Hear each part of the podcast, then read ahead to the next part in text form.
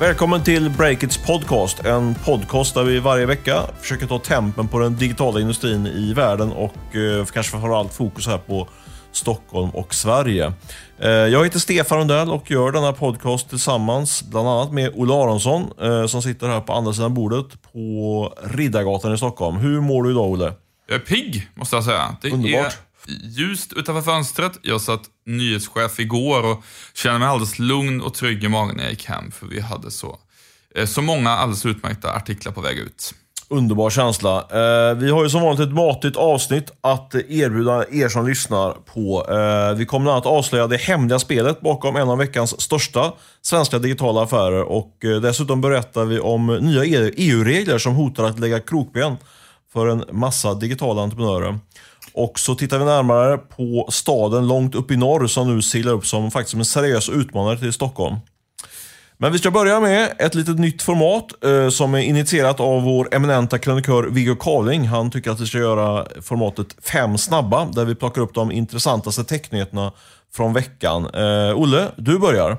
Yes, och där noterar vi att eh, den amerikanska startupen Jaunt, eh, de säger att de ska bli Netflix för VR och de anställer massa folk för det, för att utveckla annonserbjudande och prenumerationserbjudande och göra mer eget innehåll och så. Eh, och de har ju bland annat tagit in 100 miljoner i riskkapital från bland andra Disney. Sen har Pricerunner, eh, jämförelsesajten, fått en ny ägare. Det kunde vi rapportera om att de var till salu och att det var mediejättarna Bonnier och Schibsted som fanns bland spekulanterna. Eh, men det var faktiskt eh, hm chefen Carl-Johan Persson tillsammans med den tidigare avanza vdn Niklas Storåkers som drog det längsta strået i den budgivningen. För uppskattningsvis en miljard kronor är de nu mera ägare av Pricerunner. Yes, och Nintendos första stora mobil Satsning, Sent ute där redan, men nu är de på banan med Mitomo, tror jag man uttalar det. Och den har passerat en miljon användare på bara tre dagar. Det spås bli en succé och den här nyheten fick spelbolagets aktiekurs att rusa på börsen. Sen kanske veckans viktigaste nyhet, den har inte riktigt briserat än. Eh, I alla fall om man är intresserad av digitala medier. Eh, kanske lite hårdvinklat av mig, men på, på Cirkus i, på torsdagskvällen, skärtorsdagskvällen, då går Guldtuben av stapeln. Eh, det är ju eventet där man utser årets bästa YouTubers eller influencers. Eh, och det har varit oerhört stort intresse inför för den där utnämningen. På 20 minuter såldes alla 1600 biljetterna slut och vi ska försöka ha koll på det eh, här på Breakit. låter nästan som Kant-konserterna, som jag har försökt få biljetter till men inte fick. Sist i Fem snabba, en eh, liten designnyhet för omvecklings skull. Spotifys nya storsatsning på video och poddar i appen, eh, som ska göra att de tjänar mer pengar på annonser, den har ju varit svår att hitta. Jag tror jag räknade till fem klick när jag skulle försöka leta upp den i meny, eh, det snåriga menysystemet. Och igår så gjorde Spotify vad man kunde förvänta sig av det. De rensade upp i sin design och flyttade hela menyn till botten av appen och gjorde det enklare att hitta de här eh, video, eh, videoinnehållet som de har där. De har nog inte varit helt nöjda med hur det har varit att hitta till det hittills. Denna vecka sponsras vi av V Interactive, företaget som ser till att skruva på alla möjliga olika knappar och reglage för att e-handelsbutiker ska generera så mycket försäljning som möjligt. Precis, och de har över 10 000 kunder globalt faktiskt, vilket måste anses vara ett tecken på att de skött sig rätt så bra så här långt. Och eh, hur har man nått dit då, till de här 10 000 kunderna? Jo, man kan säga att de har skapat en eh, mjukvara som agerar lite som en duktig säljare i en vanlig gammal hederlig fysisk butik. Exakt, och om eh, kunderna inte hittar rätt på sajten, då ser vi till att vi Interactive ser till att optimera sajten så att kunden ska hitta och om kunden till exempel lämnar en varukorg men inte genomför köpet så går vi Interactive in med åtgärder för att kunden ska komma tillbaka och genomföra köpet hela vägen till slut. Och En sak som också är tilltalande med VIS eh, modell är ju att den är helt prestationsbaserad. De tjänar pengar när kunderna tjänar pengar. Yes, och gå in på deras sajt om du är nyfiken på dem. De heter alltså Vi Interactive med enkel V, VE Interactive. Eh, sök på dem, ta en kik och se om det kan vara någonting för dig. Tack Vi Interactive för att ni sponsrar oss. Då ska vi plocka upp eh, en stor affär i veckan som ritar om kartan på, på Sveriges marknad för online-videoannonser. Det är den tyska mediejätten RTL som köpt eh, Smartclip för det fascibla priset av 435 miljoner kronor. Mm, en tung affär av ett litet doldisbolag får man kanske kalla det för. Eh, Smartclip då, de omsätter ungefär 200 miljoner kronor på online-videoannonsförsäljning i Sverige och de är därmed trea på den marknaden efter Google och Facebook förstås. Du gjorde lite jobb på dem för att få lite mer kött på benen på, på vad det egentligen var för bolag. Rätt spännande bolag va? Ja, verkligen. Först när nyheten kom eh, så kändes den eh, ganska tråkig, måste jag erkänna, som journalist. Men sen öppnade man lite grann och det var som Tranströmers dikt. Det fanns som valv efter valv av spännande information där när man tittade vidare. Um, eh, det är ju så att uh, Smartclip är faktiskt uh, ett bolag som drog igång redan 2010 och de låg då bakom, uh, man kan säga den svenska webb-tv-boomen som nu bland annat kvällstidningarna driver på.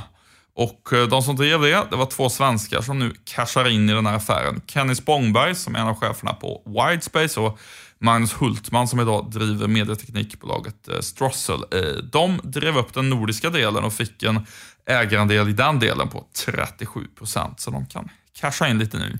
Mm.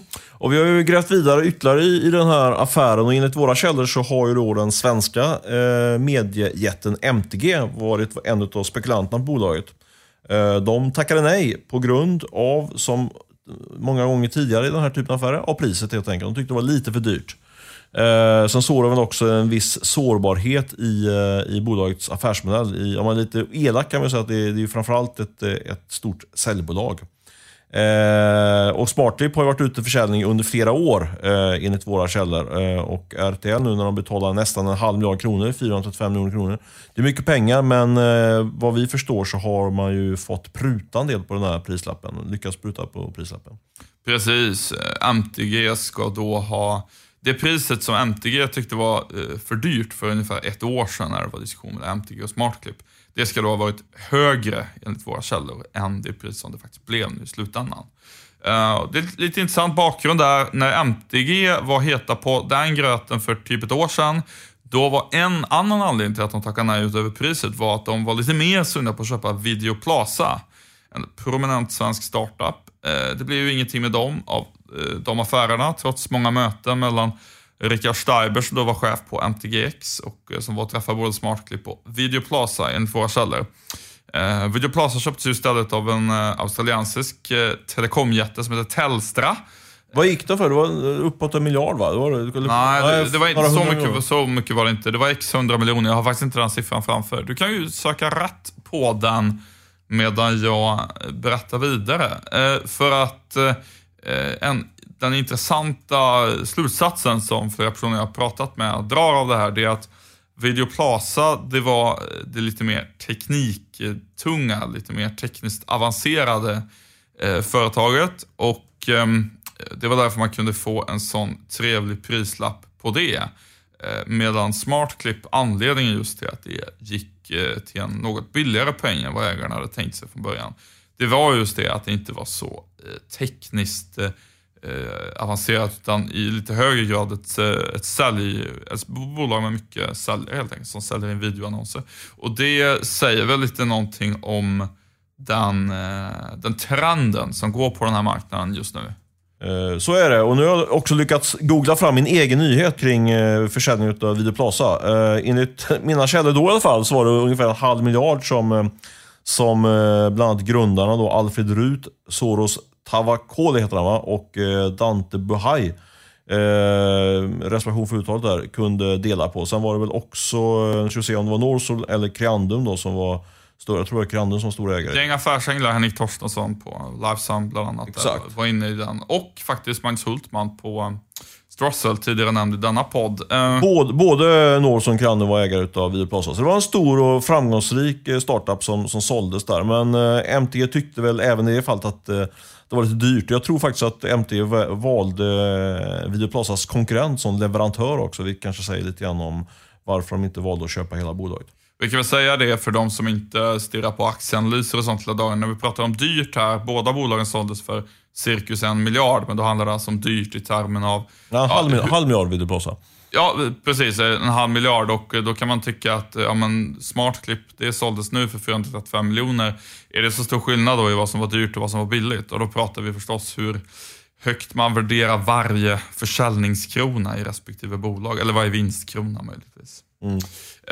Men eh, enligt de personer som har bra koll på det här så är det nu så att det som kommer hända nu i allt eh, högre grad och den trend som fortsätter, det är ju att de här eh, videotjänsterna slash säljnätverken, de kommer att satsa allt mer på teknik och utvecklare som bygger automatiserade eh, annonseringslösningar, ofta kallat programmatic, och allt mindre personer ute på stan eh, som fysiskt träffar kunder. Och de som har bra teknik kommer det gå bättre för än de som är mer renodlade säljbolag. Det är väl liksom eh, det är den hårda sanningen man kan eh, krama ur det här. Och du hade en prognos där på ett bolag som var, borde vara till försäljning förr eller senare också på grund av det här.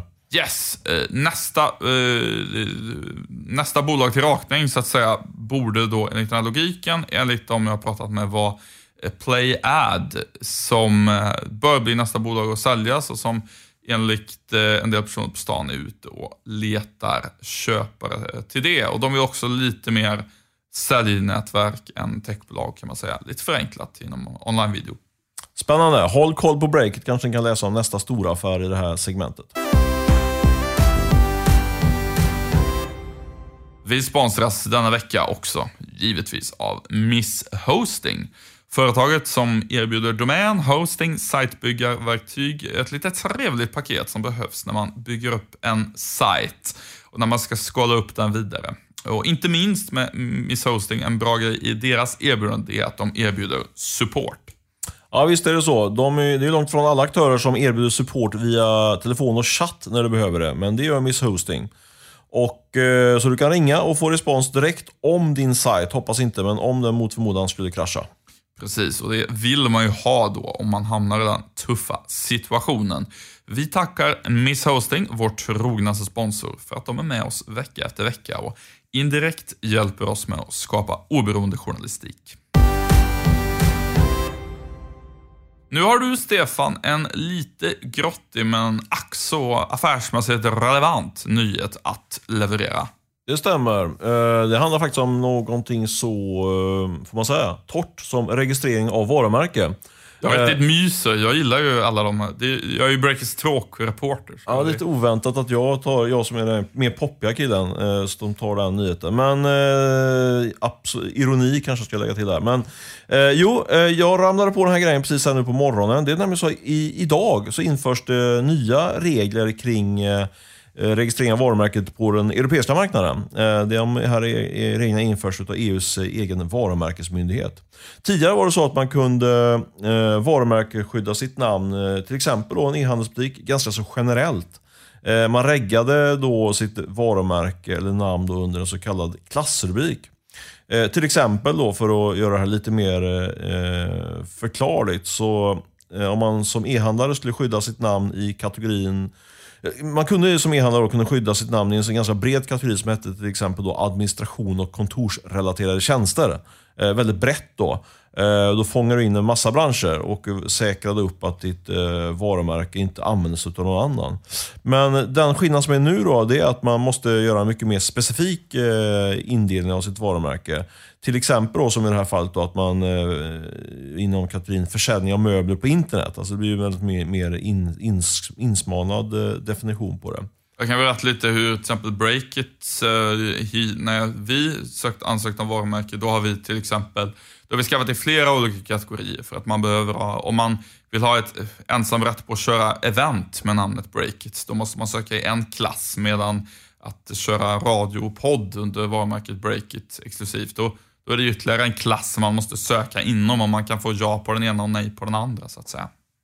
Precis, men tidigare har man då kunnat söka på ett eh, mer, mer bredare och generellt sätt. Eh, men det är det stopp på nu och eh, eh, har man då som eh, entreprenör gjort en registrering i, i en sån här bredare klass så är det, är det verkligen eh, dags att eh, se över den registreringen och se om man kan registrera om sitt varumärke. Man har sex månader på sig eh, enligt de varumärkesspecialister som jag har pratat med här på morgonen. Eh, och eh, gör det. Gå in och, och försök eh, få ordning på det där så inte någon annan aktör kan sno ditt varumärke. Man måste alltså söka om för att inte tappa det. Det låter ju nästan, nästan lite otäckt för en del entreprenörer. Ja, det kan man väl kalla det. Men det är, det är bara bita det sura äpplet och uh, ta tag i detta. Uh, och Det här är ju en förändring som fått väldigt lite uppmärksamhet och jag tycker absolut man som entreprenör borde, borde ta ta en kik på detta. Eh, vi själva var ju, gjorde ju bort oss när det gällde varumärkesskyddet för vårt eget namn, eh, som till att börja med inte var Break, utan något eh, vi kallades, det kallades för Digit. Eh, Precis. Det på att sluta riktigt illa, eller hur Du, du hade ju kanske mest ångest över det här jämfört med, med mig som tog det lite, lite mer coolt, eh, lite mer, lite mer naivt för lite mer cool i det där. Men berätta, vad var det som hände? Nej, men vad som var var ju att um, innan vi lanserade så gick vi ut och kallade oss för Digit och sen så upptäckte en mycket kompetent person att eh, inte just eh, det varumärket som vi hade, alltså Digit, men med 2G, men varumärket eh, Digit med 1G. Det var ju vår jurist på Jansson Norin va? Som Precis, så var det. Eh, och um, då uppmärksammades vi på att eh, det var en annan stor prominent mediekoncern som faktiskt hade reggat det i Europa. IDG var det va? Som hade det? Ja, just det, det stämmer. Och det var ju då alltså en annan, eh, en annan stavning och det var därför vi inte hade hittat det. Därför fick jag ett väldigt bra tips, jag kan dra det nu till alla lyssnare här. Det finns det, när man söker på så patent, patentsajter så finns det något man kan välja som heter fuzzy. Som är att du söker på 75% fuzzy, alltså luddigt. Det innebär att du söker på ungefär det här ordet. Jag hade bara sökt på 100% exakt det här ordet. Ja, ni fattar grejen. Eh, jag fick jättemycket ångest över det, men sen bytte vi namn och det blev Breakit och det gick ju faktiskt jättebra till slut. Men jag måste erkänna att jag hade extremt mycket ångest när jag fick mejlet från vår jurist Roger på Jansson och Norin där på kvällen om att det här namnet som ni har, det är förmodligen upptaget. Det där är viktiga frågor faktiskt. Särskilt om man i någon, eh, någon framtid tänker sig att man ska sälja eh, sitt bolag så måste man ha koll på det. Eh, och det tror jag inte att alla har. Man har så mycket annat att fundera på. Jag ska bara säga det också, eh, om man vänder lite på det här med att de här namnen eh, försvinner nu, alltså att man måste söka om. Det innebär ju också att en del eh, vad ska man säga, latenta namn som är reggade i typ tio år men som ingen använder, eller namn som ja, någon av ett eller annat skäl inte bryr sig om att omregistrera. Det innebär ju faktiskt också en möjlighet för entreprenörer att, att hugga nu och söka och få fatt i ett gammalt namn som liksom har legat blockerat eh, tidigare. Så det är inte bara att skydda det man redan har, utan man kan också eh, sno någonting eh, som man vill, vill komma åt men hittills inte har varit tillgängligt. Det är viktigt att påpeka också att, uh, att den här förändringen rör framförallt uh, de som har reggat sina varumärken i, före juni 2012. Men jag tycker däremot är, är ändå att det här är så pass komplicerad materia att det är värt att, att kolla upp oavsett när man har reggat sitt varumärke. Så det är väl mitt, uh, mitt råd att använda sig av Google och söka lite grann på EUs immaterialrätt så kommer ni hitta information om detta. Annars så är ni välkomna att skicka ett mail direkt till mig på stefan.breakit.se så ska jag guida er vidare. Nu är det dags att prata om något helt annat. Från EUs patentjurister till, eh, till startup-människor i Umeå. Eller hur, Olle? Mm. Vi noterar här på Breakit med glädje att eh, Umeå blir allt hetare som techstad. Vi rapporterade senast igår om att Sports Week tog in 10 miljoner från TV4 till sin app som gör alla till sportjournalister för att dra den hisspitchen lite grann. Um, vi har flera heta nyheter på gång kring Umeå de närmaste timmarna kan vi säga på breaket va? Ja, det, vi får se. Det, exakt när det kommer vet jag faktiskt inte. Men det, timmar är ett uh, diffust begrepp. Det kan ju vara 48 eh, timmar också. Ja, tusen timmar. Mm. Um, uh, nej, men, och dessutom så var det ju så att ett gäng representanter från Umeå var på plats i Stockholm för att locka dit startups nyligen, eller hur? Ja, det är ju ytterligare en eh, datapunkt i den här argumentationen för att eh, Umeå blir allt hetare som techstad. Eh, det var ju vår kollega Sara Lind som var där och kollade in. Det var ett gäng startup-entreprenörer men också representationen från Umeå kommun och Uminova, inkubatorn där uppe i Umeå, som var på, på Berns i Stockholm för ett par veckor sedan för att rekrytera talanger helt enkelt och försöka få dem att flytta upp till till Umeå. Det är ju billiga bostäder, det händer väldigt mycket, många bolag som, som växer så det knakar och man formligen skriker efter kompetens som eh, min kollega Sara Lind uttryckte det här innan precis jag gick in i poddstudion. Spännande att se vilka som flyttar upp. Det vore ju rätt coolt om det var några, några bolag som, som liksom bara direkt flyttar hela företaget från Stockholm till Umeå. Ja, jag tror verkligen att det börjar, alltså börjar bli eh, kritiskt på riktigt just den här bostadsfrågan. Det har ju tragglats fram och tillbaka men man inser ju liksom att det att det är ett stort problem. Och nu börjar ju även priserna på, på lokaler gå upp. Det har vi ju rapporterat om. Ja, exakt. Jag tänkte vi ska avsluta i den här podden och prata lite om det. Eh, och då vill jag givetvis i totalt egenintresse först flagga för att det snabbväxande medieföretaget Breakit söker ny lokal. Eh, det kan antingen vara 170 till 180 kvadrat eller 500 plus. Um, eh, om vi flyttar ihop med vårt säljbolag. Då ska vi ha så stort som 500 plus. Och det vill vi verkligen. Det är vårt huvudalternativ. Ja, och centralt i Stockholm är vi peppade på. Hör av er eh, om det. Men apropå det så har vi hört lite skvaller på stan det senaste om, eh, vad ska man säga, eh, stället där alla startups nu ska, dit alla startups nu ska flytta i Stockholm. Mm, det är väl eh, framförallt också i linje med, med det här att eh, priserna på lokaler bara går upp, upp, upp. Eh, vi fick ju en liten eh, datapunkt från Epicenter som nu eh, vidgar. De ska flytta ut, starta nya lokaler en bit därifrån. Epicenter, vad är det för någonting? Ja, sorry. Det är ju ett så kallat co-working space där det sitter en massa startups helt enkelt, uh, hyr in sig uh, och det finns en massa event och sånt där också. Vi var ju faktiskt där själva igår och höll en liten dragning. Eh, det sitter eh, stora startups men är också eh, ganska stora etablerade företag och hyr in i sig så kallade studios. Jag tror Telia till exempel har hyrt in sig på Epicenter. Och de expanderar nu och jag tror att de dubblar lokalytan i princip. Bland annat ska ju Spotify flytta in i, i de här lokalerna. Men det som jag hörde då var hur, vad, vad det kostar helt enkelt. Och det, det, som, det, det var från ett ganska stort etablerat företag som jag tror har möjlighet att eh, förhandla sig till en ganska bra pris. Men även de skulle få betala 6 000 kronor per kvadratmeter och år enligt eh, mina uppgiftslämnare. Och det är ju rätt eh, saftigt får man säga. Eh, enligt eh, en artikel som vi körde på breaket helt nyligen så är standard här i det absolut centralaste Stockholm 5200 per kvadrat. Det är ju rätt dyrt ska man säga. Man behöver inte flytta sig. Jag skulle aldrig betala så mycket, måste jag säga. Eh, man behöver... Man, Eller? Man be ja, det, det, kan du nog vara på väg att göra utan att veta om det. Men, är det så pass? Usch, eh, ja. Men man kan säga att det går väldigt lätt att sitta väldigt centralt och ändå komma ner liksom till kanske ja, fyra och två per men du menar, att vi, du menar att när vi flyttar till nya lokaler så kommer vi ligga på... Det är där vi pratar? 50, Nej, det är inte där vi pratar. Det är under diskussion. Men det är liksom, vi har ju varit och tittat på lokaler som ligger redan här. Okej. Okay. Ja, jag får engagera mig lite mer i de där fastighetsdiskussionerna tror jag. Men eh, vad fasen, det måste finnas någon som vill ha in eh, Sveriges hetaste Mediebolag, Breakit. Jag tror tyvärr inte att den argumentationen biter när det är så här våldsam hås och brist på, på lokaler. Ja, det får vi se, se. Jag får sätta på mig säljhatten. Men hör gärna av er om ni har något spännande alternativ. Det kan ju vara så att det finns några öppningar på, på lite olika fronter med spännande synergier. Eh, det har blivit dags att runda av den här podden innan det blir för, lite väl lite för mycket säljsnack här för Breakits sida, eller från min, min sida. Eh, kul att ni lyssnar vecka efter vecka och eh, ni ska såklart hålla koll på vad vi gör på breakit.se där vi har bemanning nu i stort sett nästan 24 timmar om dygnet. I alla fall eh, morgon, kväll och även helg är vi på plats. Exakt. Eh, vi ska säga också att den här podden eh, spelades in av Beppo ljudproduktion på länk. De klipper också den här podcasten som vi kommer att publicera lite extra tidigt den här veckan eftersom det är påskhelg. Eh, det var väl det. Ha det så bra. Hej hej. Hej.